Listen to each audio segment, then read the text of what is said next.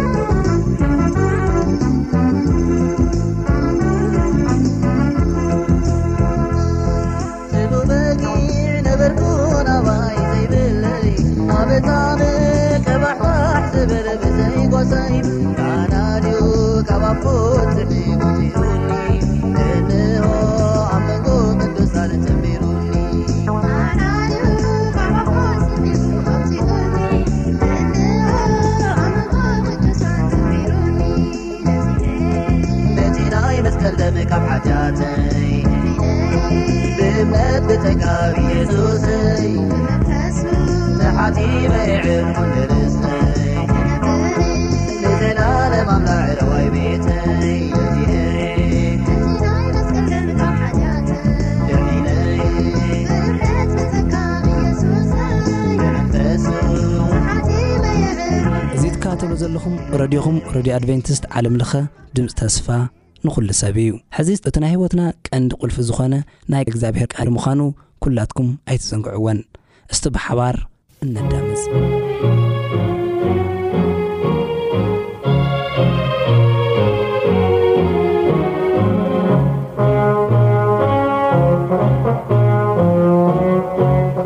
ሰላም ሰላም ኣብ በቦትኡ ኼንኩም መደባትና እናተኸታተልኩም ዘለኹም ክቡራት ጸሎት ሰማዕትና ኣብ ናይ ሎሚ ናይ ቃል ግዜና ንሪኦ ኣብ ቀዳማይ ሰሜን ምዕራፍ ኣርባዕተ ዘሎ ኣትሒዙ ኮይኑ ክሳብ ሸውዓተ ዘሎ ሓሳብ ክንርኢ ኢና ክሳብ ፍጻሜ መደብና ምሳና ከጽንሑ ብክብሪ ዕድም ቅድሚ ኩሉ ግን እግዚኣብሔር ምእንቲ ክምህረናን ክመርሓናን ሕፅር ዝበለ ጸሎት ክንጽሊ ኢና እግዚኣብሔር ኣምላክና ስለዚ ግዜን ሰዓትን ነመስግነካ ኣለና ሕጂ ድማ ክቡርን ቅዱስን ቃልካ ከፊትና ኣብ ነጽንዓሉ እዋን ንስካ ምሳና ክትከውን ከተምህረና ኣስተውዒልና ድማ ምንባር ንክእሉ ጸጋ ተብዝሓልና ንልምነካ ኣለና ከም ፍቃድካ እግዚኣብሔር ኣምላክ ክንነብር ርድኣና ብጎይታና መድሓና የሱስ ክርስቶስ ስም ኣሜን።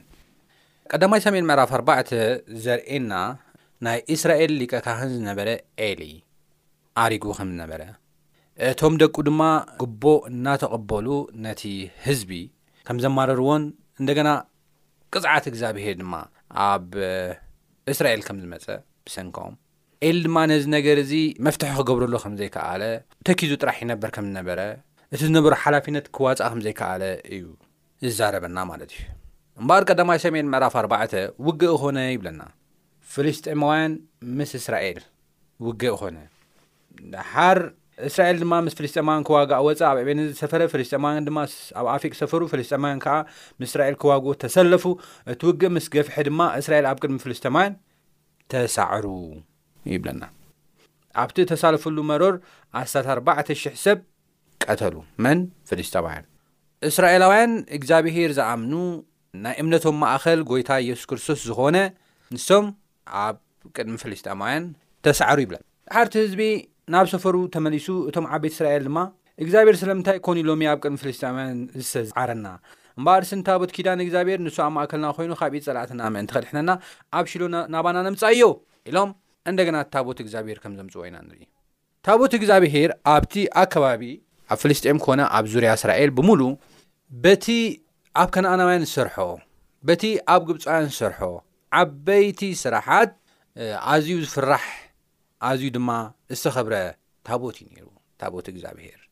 ታቦት እግዚኣብሄር ሒዞም ኣብ ዝኣተውሉ እዋን ኣብ ታሪኽ ብዙሕ ዓወታት ከም ዝረኸቡ ፍልስጤማውያን ኰነ ዙርያ ዘለዉ ኣከባቢታት ምሉእ ዝፈልጦ እዩ። ድሓር ታቦት እግዚኣብሄር ሒዞም ምስ ወጹ ፍልስጤማውያን እቲ ወረ እቲ ታሪኽ ስለ ዘሎ ኣዝዮም ፈርሑ ይብለና ኣዝዮም ፈርሑ ነገር ግን ሓደ ካብኦም ምናልባት መርሓ ክኸውን ይኽእል እዩ ከምዚ ኢሉ ከም ተዛረቦም ኢና ንርኢ ኣቱም ፍልስጤማውያን ከምቲ ንሳቶም ባሮትኩም ዝነበሩ ንስኻትኩም ከኣ ባሮት እብራውያን ከይትኾኑሲ ጽንዑ ሰብኡት ኩኑ እወ ሰብኡት ኩኑ ተዋግኡ ኢሉ ከም ዘባራታትዖም ኢና ንርኢ በዚ ነገር እዚ ድማ ፍልስጤማውያን ተባራታቲዖም ተዋግኡ እንደገና ተዓወቱ እቲ ታቦት እግዚኣብሄር ድማ ብፍልስጥኤማውያን ከም ተማረኸ ኢና ንርኢ ማለት እዩ እዚ ምስ ሰምዐ ኤሊ ኣሪጉ እዩ ነይሩ ዓይኑ እውን ፈዚዘን እየን ነይረን እዚ ምስ ሰምዐ ኤሊ እውን ደገ ድሕሪት ኣቢሉ ኣብ መንበር ወደቐ ክሳዱ ተሰቢሩ ድማ ሞተ ይብለና ንሱ ከዓ ንእስራኤል ኣርባዓ ዓመት ዝፈርድ ሰብ እዩ ነይሩ ስለዚ እቲ ሊቀ ካህን ሞይቱ እዩ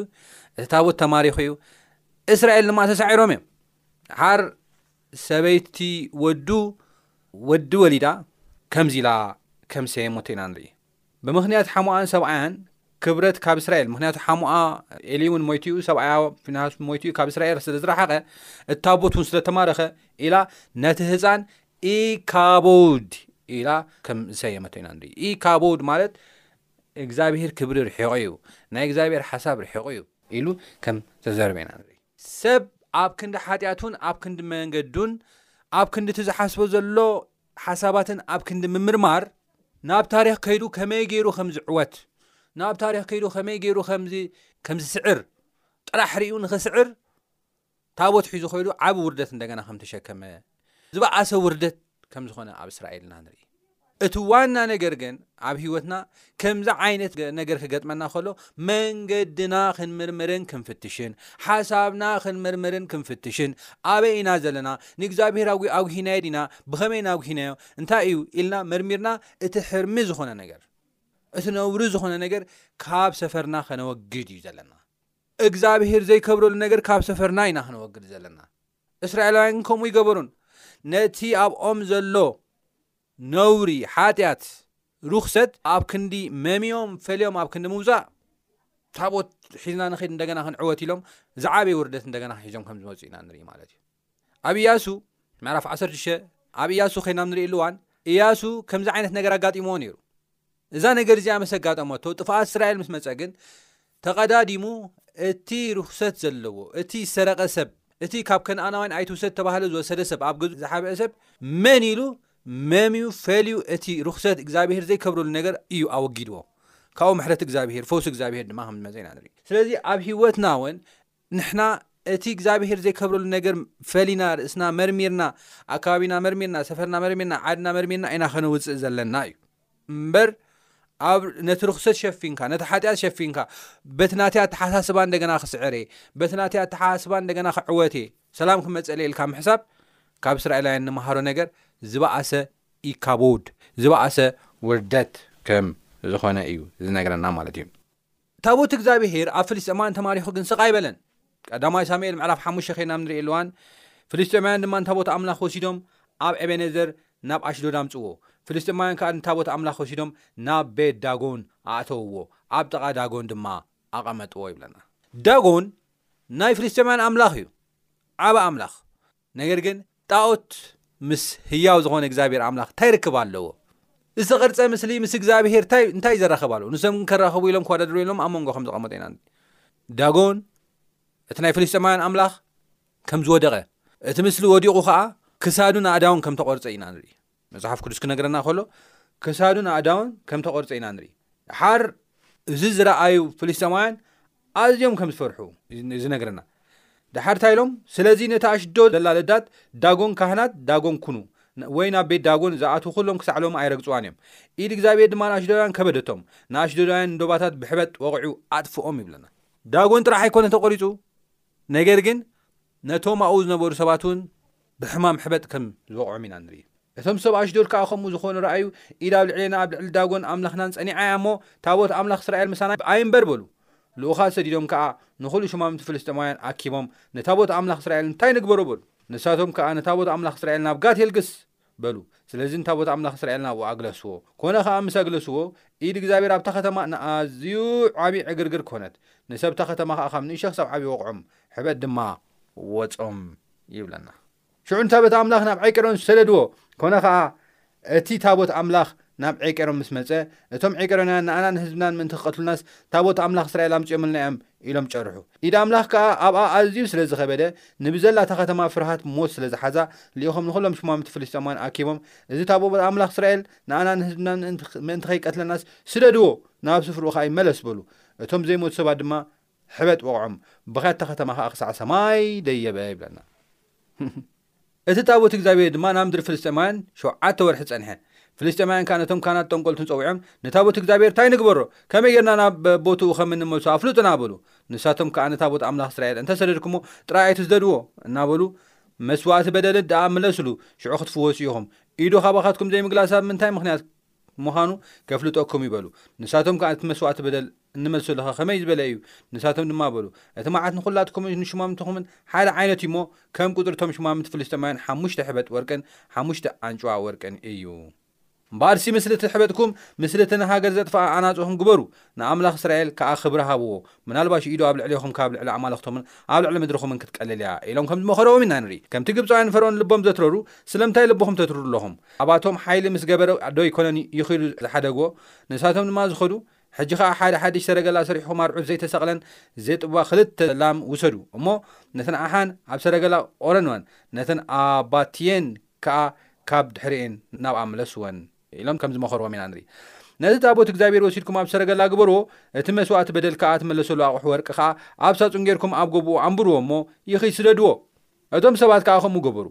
ክልተ ዘጡባ ላም ወሲዶም ከኣ ኣብቲ ሰረገላ ቖረንወን፣ ነተን ኣባትየን ድማ ኣብ ቤት ዓጸውወን። ንታቦት እግዚኣብሄርን ነቲ ሳጹንን ምስቲ ኣናጹ ወርቅን ምስልታትን ሕበጥን ኣብ ሰረገላ ኣንበርዎ። እተን ኣሓ ድማ ንየማነ ጸጋም ከይግለሳ እምባሕ እናበላ ብጐነን ኣቕኒዔን መንገዲ ቤት ሸመሽ ትኽ ኢለን ከዳ። እተን ሹማምንቲ ፍልስጥኤማውያን ከኣ ክሳዕ ዶብ ቤት ሸመሽ ደድሕሪኤን ከዱ። እቶም ሰብ ቤት ሸመሽ ድማ ስርናይ ኣብቲ ለሰ ይዓጽዱ ነበሩ። ኣዒንቶም ቋሕ ኣቢሎም ከኣ ናቲ ታቦት ረኣዮ'ሞ ብምርኣዩ ተሓጐሱ። እቲ ሰረገላ ናብ ግራት እያሱ በዓል ቤት ሸመሽ መጺኡ ኣብኣ ቈመ። ኣብኣ ድማ ዓብዪ እምኒ ነበረ፣ ዕንጨይቲ ሰረገላ ፈሊጾም ከኣ ነቲ ኣሓ ንእግዚኣብሄር ዝሓር መስዋእቲ ኣዕረግሉ። ለዋውያን ከኣ ነቲ ታቦት እግዚኣብሄር ነቲ ምስኡ ዝነበረ ኣቑሑ ወርቅን ዘለዎ ሳጹን ኣውሪዶም ኣብቲ ዓቢ እምኒ ኣንበርዎ፣ በታ መዓልቲ እቲኣ ድማ እቶም ቤት ሽሜሽ ንእግዚኣብሄር ዝሓር መስዋእቲ ኣዕረግሉ፣ መስዋእቲ ሕሩድ ከኣ ሰውእሉ። እቶም ሓሙሽተ ሹማምንቲ ፍልስጥኤማውያን ድማ ምስ ረኣዮ በታ መዓልቲ እቲኣ ናብ ዓቄሮን ተመልሱ ይብለና። ህዝቢ እስራኤል ብሓጢኣት እኳ እንተ ረኸሱ፣ ነገር ግን እቲ ታቦት እግዝኣብሄር ግን ኣይደኸመን ነይሩ። እግዝኣብሄር በይኑ እኹል እዩ፣ ብቑዕ እዩ። ንሕና ኣብ ስርሑ ክንሳተፍ፣ ንሕና ወንጌል ንክንሰብኽ ክመርጸና ከሎ፣ ንሕና ከም ፍቓዱ ክንነብር ውሉዱ ክብለና ከሎ፣ ናይቲ በረኸት ተኻፈልቲ ክንከውን ኢሉ እዩ እምበር፣ በይኑ እግዝኣብሄር እኹል፣ ብቑዕ፣ ሓያል እዩ። ታቦት እግዝኣብሄር ጥራሕ በይኑ ንፍልስጤማውያን፣ ታቦት እግዝኣብሄር ጥራሕ በይኑ ነቶም ሓላቑ ዓቄሮን ከም ዝሰዓርዎም ኢና ንርኢ። በይኑ ታቦት እግዚኣብሄር። እግዚኣብሄር በይኑ እኹል እዩ። ንሕና እውን ኣብ ህይወትና እግዚኣብሄር ጥራሕ ምሳና ክኸውን፣ እግዚኣብሄር በይኑ ጥራሕ ህይወትና ክመርሕ፣ እግዚኣብሄር በይኑ ጥራሕ ህይወትና ክቆፃፀር ጥራሕ ክንደሊ ክንከል ኣለና። እግዚኣብሄር ምሳና እንተሃልዩ እኹል እዩ። እግዚኣብሄር በይኑ ምሳና እንተሃልዩ ዓወት ኣሎ። እግዚኣብሄር በይኑ ምሳና እንተሃልዩ ክብሪ ኣሎ። ክብሪ ይኮይንዎም ወላ ሓጢኣት ተሰርሑ እቲ ታቦት እግዚኣብሄር ናይ እስራኤለን ብምባሉ ግን ክብሪ እዩ ኮይንዎም ክብሪ እዩ እግዚኣብሄር ጥራሕ ምሳና ይሃሉ ደሓር እቲ ደረቕ መሬት ለምለም ክኸውን እዩ እቲ ዝተጣመመ ከዓ ክቐንሕ እዩ እቶም ፀላእቲ ክፈርሑን ክብርበዱን እዮም ታቦት እግዚኣብሄር ኣብዚ ተኣምር እዩ ሰሪሑ በይኑ ማንም ወተሃደር ሓደ ወተሃደር ኣብ ዘይነበረሉ እዋን ወተሃደራት ኣማሪኾሞ ኣብ እስራኤል ዓብዪ ኢካቦድ ኮይኑ ናይ እግዚኣብሄር ክብሪ ተላዒሉ ታቦት እግዚኣብሄር ግን በይኑ ተቓሊሱ ከም ዝሰዓረ፣ በታ በታ ኢዶም ከም ዝወሰድዋ፣ በታ ኢዶም ድማ ከም ዝመለስዋ ኢና ንርኢ። በታ ዝወሰድዋ ኢዶም ብኣኣ፣ በታ ዝወሰድዋ ኢዶም ብኣኣ ድማ ከም ዝመለስዋ ኢና ንርኢ። ብኽብሪ ያውም እናሰውኡ ናብ ቤት ሽመስ ከም ዝመለስዎ ኢና ንርኢ። እሞ እግዚኣብሄር እኹል እዩ። እግዚኣብሄር ሓያል እዩ። ክብሪ እግዚኣብሄር ግን ኣብ ህይወትና ክኸውን እቲ ርኽሰት እቲ እግዚኣብሄር ዘይከብረሉ ነገራት ብምሉእ ካባና ክውሰድ ክውገድ ክኽእል ኣለዎ እቲ እግዚኣብሄር ዘይ ሕጎሱሉ ነገር ካባና ክውገድ ክኽእል ኣለዎ እዩ ካብ ዝገርመኩም ፍልስጠማውያን ነቲ ታቦት ክማርኹ ከለዉ ብዙሕ ሰብ ክቐትሉ ከለዉ ዝሓዝዎ መሬት ዝሓዝዎ ከተማታት እውን ነይሩ እዩ ብዙሕ ከተማታት ብዙሕ ከተማታት ናይ እስራኤል ን ማሪኾም ሒዞምዎ ነይሮም እዮም ኣብ ሽግር እዮም ነይሮም ዘድሕኖም ሰብ ኣይነበረን ጎረባብቶም ስቕ እዮም ኢሎም ነይሮም ኣብ ስቓ እዮም ነይሮም ኣብ ሽግር እዮም ነይሮም ክብጀዎም ዝኽእል ማንም ሰብ ኣይነበረን ጦር ክህቦም ዝኽእል፣ መሳርያ ክህቦም ዝኽእል ሓደ ነገር እኳ ኣይነበረን። ካብ ዝገርመኩም እቲ መሳርያ ተጸሪቡ ዝመጽእ ዝነበረ ንባዕሉ ሓጺን ሰይፊ ዘምርት ፋብሪካ እኳ ኣይነበሮም እስራኤላውያን። እዚ ሰይፊ ብምሉኡ ካብ ፍልስጤማውያን እዩ ዝመጽእ ነይሩ፣ ካብቶም ጸላእቶም፣ ካብቶም ዝማርኾም ዘለዉ፣ ዘጓይዎም ዘለዉ፣ ካብቶም ሰዓርዎም እዩ ዝመጽእ ነይሩ። ስለዚ ዓቢ ወርደት እዩ ዘሎ። ባዶ ኢዶም እዮም ኣትሪፎሞም። ካብዚ ውርደት እዚ፣ ካብዚ ሽግር እዚ፣ ካብዚ መከራ እዚ፣ ካብ ጽልመት እዚ ግን ከድሕን ዝኽእል እግዚኣብሄር ጥራሕ እዩ። ታቦት እግዚኣብሄር በይኑ ከም ዝተዓወተ ንሕና ምስ እግዚኣብሔር ተኾይና ኸኣ እቲ ዓወት ናትና ከም ዝኸውን እዩ ዝዛረበና። ዝገርም እዩ መጽሓፍ ቅዱስ ኣብዚ ሓሳብ እዚ ከይና ኣብ ንርእየሉ እዋን እቶም ናብ ቤት ሸሜሽ ምስ መጸት ታቦት እቶም ሰብ ቤት ሸሜሽ ከኣ ኣብ ቅድሚ እግዚኣብሔር እዚ ቅዱስ ኣምላኽ እዩ መን ክቐውም ይኽእል ካባና ከ ናብ መን ክድይብ እዩ በሉ እናበሉ ነቲ ታቦት ከወድስዎ ከሎ ኢና ንርኢ። ደሓር ካብቲ ቤት ሸሜሽ ናብ ቂርዓት ዓሪም ከም ዝደየበ እዩ ዝዛረበና መጽሓፍ ቅዱስ። ደሓር ህዝቢ እስራኤል ኢካቦድ ከም ዝዀነ፣ ኣብ እስራኤል ድማ ውርደት ከም ዝዀነ ምስ ሰምዐ፣ ከምዚ ኢሎም ቀዘሙ ይብለና። ኰነ ድማ፣ እቲ ታቦት ኣብ ቂርያት-ዓሪም ኣብ ዝቕመጥ ግዜኡ ነውሐ ዕስራ ዓመት ኰነ ይብለና። ዕስራ ዓመት! ዕስራ ዓመት ቀሊል ኣይኰነን። ብዘለዉ ቤት እስራኤል ከኣ ናብ እግዚኣብሄር ኣቢሎም ቀዘሙ ይብለና። ዕስራ ዓመት ከተማታቶም ተታሒዙ። ዕስራ ዓመት ባሮት ኰይኖም። ዕስራ ዓመት ብፍርሓት። ዕስራ ዓመት ብዘይ ናይ እግዚኣብሄር ታቦት። ናብ እግዚኣብሄር ኣቢሎም ቀዘሙ። ሳሙኤል ህጻን እዩ ነይሩ። ኤሊ ኽመውት ከሎ ዕስራ ዓመት ክትውስኹሉ ኸለኹም፣ መንእሰይ ኰይኑ፣ ዓቢ መንእሰይ ኰይኑ። ንሓር ሳሙኤል ከኣ ንብዘላ ቤት እስራኤል፣ ንስኻትኩም ብምሉእ ልብኹም ናብ እግዚኣብሄር ትምለሱ እንተ ዄንኩም፣ ጓኖት ኣማልኽትን ኣስታሮታትን ካብ ማእከልኩም ኣርሕቑ፣ ልብኹም ከኣ ናብ እግዚኣብሄር ኣቕንዑ፣ ንእኡ ጥራይ ኣምልኹ፣ ሽዑ ኻብ ኢድ ፍልስጥኤማውያን ኬድሕነኩም ኢሉ ተዛረበ። ዕስራ ዓመት ምሉእ እዞም ሰባት እዚኦም ኣብ ባርነት እዮም ነይሮም። ኣብ ባርነት ዝነበሩሉ ዋና ነጥቢ ግን እዞም ሰባት እዚኦም እግዚኣብሄርን ኣስታሮታትን እግዚኣብሄርን ጣዖትን ሓቢሮም ከምልኹ ይደልዩ ስለ ዝነበሩ እዩ። እግዚኣብሄር ምስ ጣዖታት እንታይ ርክብ ኣለዎ? እግዚኣብሄር ምስ ኣስታሮት እንታይ ርክብ ኣለዎ? ልቦም ናብ እግዚኣብሄር ቅኑዕ ኣይነበረን። ናብ እግዚኣብሄር ኣይተመልሱን ነይሮም። ብገዛ መንገዶም እዮም ዝኸዱ ነይሮም። ብገዛ ርእሱ ርክሰቶም እዮም ዝኸዱ ነይሮም። ከምቲ ኣብ መጀመርያ ዝበልክዎ፣ መንገዶም መርሚሮም ናብ እግዚኣብሄር ክምለሱ እኳ ፍቓደኛታት ኣይነበሩን። ንዕዑ ጥራሕ ከምልኹ ኣይከኣሉን። እታ መጀመርያ ቅድሚ ዕስራ ዓመት እውን ከምኣ ተትገብሩ፣ ታቦት ኣምላኽ ነምጽኣዮ፣ ጥራሕ ንዋጋእ! ካብ ምባል፣ እስከ መንገድና ንፈትሽ፣ እንታይ እዩ ዘሎ እቲ ርኹሰት፣ እግዚኣብሄር ዘይከብረሉ ነገር ኢሎም ተትፍትሹ፣ ፈትሾም ከኣ እቲ ጣኦታት ኣብ ሃገሮም ዘሎ፣ ኣብ ዓዶም ዘሎ ጣኦታት ተተወግዱ፣ እቲ እግዚኣብሄር ዘይከብረሉ ኣስታሮታት ናይ ጥንቁልና ስርዓት ተተወግዱ፣ ናብ እግዚኣብሔር ተዝምለሱ ሙሉእ ልቦም ድማ ንእግዚኣብሔር ተዘምልኹ እዚ ኩሉ ዕስራ ዓመት እውን ኣይምባኸነን ነይሩ ድሕሪ ዕስራ ዓመት እውን ተኾኑ መከራ በዚሕዎም ሕጂ እውን ፈትዎም ኣይኮኑን መከራ በዚሕዎም ታቦት እግዚኣብሔር ካብኦም ርሒቑ ኣብ ቂርያት ዓሪም ሰፊሩ ዕስራ ዓመት ምስ ገበረ ግን ቆዚሞም ስቓይ በዚሕዎም ሽግር በዚሕዎም መከራ በዚሕዎም እዚኣ ሰሚዑ ግን እግዚኣብሔር ርሩ እዩ ኩሉ ግዜ ድልው እዩ ንሕና ብተመለስናሉ እዋን እግዚኣብሔር ኢሚዲት ቀጥታ ዝኾነ ምላሽ ኣብ ምሃብ እግዚኣብሄር ድሉ እዩ እሙን እዩ ኢሚድትሊ ምስ ተመሱ ብቐጥታ ምስ ተመሱ ንስሓ ምስ ኣተዉ ናብ እግዚኣብሄር ምስ ቀረቡ እግዚኣብሄር ብሳሙኤል ብምሉእ ልብኹም ናብ እግዚኣብሄር ተመለሱ ኢሉ ከም ተዛረብና ብምሉእ ልብኹም ናብ እግዚኣብሄር ተመለሱ እዚኣ እታ ቁልፊ ነገር ጓኖት ኣማለኽቲ ኣስታሮታት ካብ ማእከልኩም ኣርሕቑ ተኻሊት መለክቲ እዚኣ እያ ልብኹም ከዓ ናብ እግዚኣብሄር ኣቕንዑ ብምሉእ ልብኹም ናብ እግዚኣብሔር ተመለሱ ልብኹም ከዓ ናብ እግዚኣብሔር ኣቕኑ ንኡ ጥራሕ ኣምልኹ በቲ ጣዖት እናኣምላኽካ በዚ እግዚኣብሔር ከምልኸ ኣይትበል ሽዑ ካብ ኢድ ፍልስጢማውያን ከድሕነኩም ኢሉ ከም ተዛረቡ ደቂ እስራኤል ከዓ ንበዓሊም ኣነኣሳርት ኣርሒቖም ንእግዚኣብሔር ጥራሕ ኣምልኹ በቃ ምስ ወሰንና ናብ እግዚኣብሔር ምስ ተመለስና እታ ዋና ቁልፊ ነገር እዚኣ እያ። ደቂ እስራኤል ከኣ ንበኣሊም ንኣስታሮት ኣርሒቖም ንእግዚኣብሄር ጥራሕ ኣምልኽ ይብለና። ሳሙኤል ድማ ንዅሉ እስራኤል ካብ ሚጽጳ ኣከቡ። ዕስራ ዓመት ምሉእ እዚኣ ሰኣን ምግባር ኣብ ስቓይ ከም ዝነበሩ ኢና ንርኢ። ኣብ ሚጽጳ ኣከበ። ንእግዚኣብሄር ከኣ ምእንታኹም ክልምኑ እየ በሎም። ሽዑ ናብ ሚጽጳ ተኣከቡ፣ ማይ ቀዲሖም ድማ ኣብ ቅድሚ እግዚኣብሄር ኣፍሰስዎ። በታ መዓልቲ እቲኣ ጾሙ፣ ኣብኣ ኸኣ ንእግዚኣብሄር በዲልና ኢና በሉ። ሳሙኤል ድማ ንደቂ እስራኤል ኣብ ሚጽጳ ፈረዶም። ፍልስጥኤማውያን ከኣ ደቂ እስራኤል ኣብ ሚጽጳ ከም እተኣከቡ ምስ ሰምዑ፣ እቶም ሽማምቲ ፍልስጥኤማውያን ንእስራኤላውያን ደይብዎም። ደቂ እስራኤል ከኣ እዚ ምስ ሰምዑ ድማ ንፍልስጥኤማውያን ፈርህዎም። ደቂ እስራኤል ከኣ ንሳሙኤል፣ ካብ ኢድ ፍልስጥኤማውያን ኬድሕነናስ፣ ምእንታና ናብ እግዚኣብሄር ኣምላኽ ምህላል ኣይትሕደግ፣ በልዎ። ሳሙኤል ከኣ ሓደ ዘጥቡ ዕየት ወሲዱ ምሉኡል ዝሓርር መስዋእቲ ገይሩ ንእግዚኣብሄር ኣዕረገሉ። ሳሙኤል ከኣ ምእንቲ እስራኤል ናብ እግዚኣብሄር ተማህለለ፣ እግዚኣብሄር ድማ ምላሽ ሃቦ።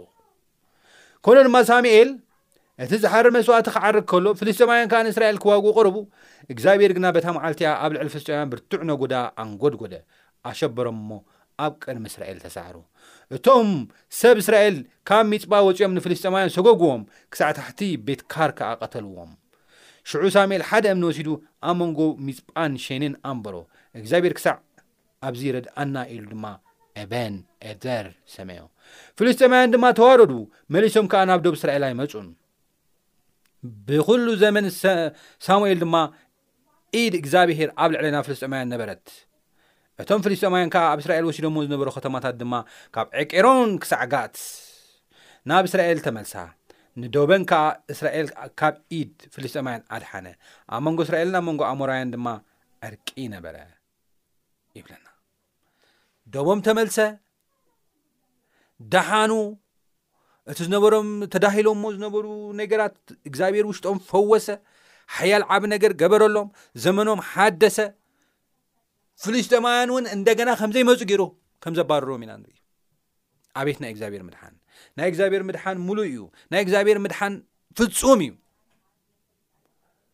ብናቶም ጥበብን ብናቶም ሓይልን ክመልስዎም ዘይከኣሉ ፍልስጥማውያን ብናይ እግዚኣብሔር ስራሕ ግን ደጊሞም ከም ዘይምለሱ ከም ዝገበረ ኢና ንርኢ እግዚኣብሔር ማኣሕዋተይ ኣብ ምድሪ ዝተፈላለዩ ፈተናታት ክንሓልፍ ንኽእል ንኸውን ኢና በዚ ፈተና እዚ ንሓልፈሉ እዋን በዚ ፈተና እዚ ኣብ ንሳገረሉ እዋን ግን ክንገብሮን ክንለማመዶን ዘለና ሓደ ዓበ ባህር ተሃለወ እንታይ እዩ ርእስና ምምርማር እዩ ርእስና ምፍታሽ እዩ እንታይ ገይረ እግዚኣብሄር ዘይከብረሉ ነገር ኣብ ሂወተ እንታይ እዩ ኣብ ሰፈረይ እንታይ እዩ ኣብ ገዛይ እንታይ እዩ ኣብ ስድራይ እንታይ እዩ ኢልና ኢና ክንምርምር ዘለና መርሚርና ከዓ ነቲ ሓጢኣት ዝኾነ ነገር ከነወግድ ክንክእል ኣለና ምናልባት እዚ ብዘይ ምግባርና ልክዕ ከም እስራኤላውያን ዕስራ ዓመት ንፍልስጤማውያን ባሮት ከም ዝኾኑ ሕጂ እውን ንብዙሕ ዓመታት መከራ ንሓልፍ ንኸውን ንህሉ እወ ግን ግዜ ረፈደን እግዚኣብሔር ይፅበየና እዩ ዘሎ ፍቓድና ንዕኡ ክንቦ እግዚኣብሔር ኣድሕነና ኢልና ሙሉእ ብምሉእ ኣብኡ ክንውከል ይፅበየና እዩ ዘሎ እሞ እዚ ኣሚንና ብእኡ ተደጊፍና ካብዚ ዘለናዮ ቃልሲ ክንወፅእ ብዓወት መሰስ ክንብል ናብ እግዚኣብሔር ክንምለስ ክንክእል ኣለና ርክሰትና ከነወግድ ክንክእል ኣለና እወ እስራኤል ንበዓሊምን ንኣሳሮታትን ከርሕቑ ከለዉ እዮም እግዚኣብሄር ረድእዎም እስራኤል ንእግዚኣብሄር ጥራሕ ከምልኹ ከለዉ እዮም ናይ እግዚኣብሄር ሓይሊ ኣብ ህይወቶም ተገልፀ ዓብ ተኣምራት እውን ዝገበረሎም እሞ ናብ እግዚኣብሔር ንመለስ እቲ ርኩሰት ጣዖት ምምላኽ እግዚኣብሔር ዘይከብረሉ ነገራት ኣባና ዘሎ መርሚርና ንወግድ ቀሊል እዩ ንእግዚኣብሔር ቀሊል እዩ ንእግዚኣብሔር ናይ ሓደ መዓልቲ ጉዳይ እዩ ናይ እግዚኣብሔር መድሓን ከዓ ፍፁም እዩ ሰብ ክገብሮ ዘይክእል ሰብ ክሰርሖ ዘይክእል ዓብ ምድሓን እዩ ናይ እግዚኣብሔር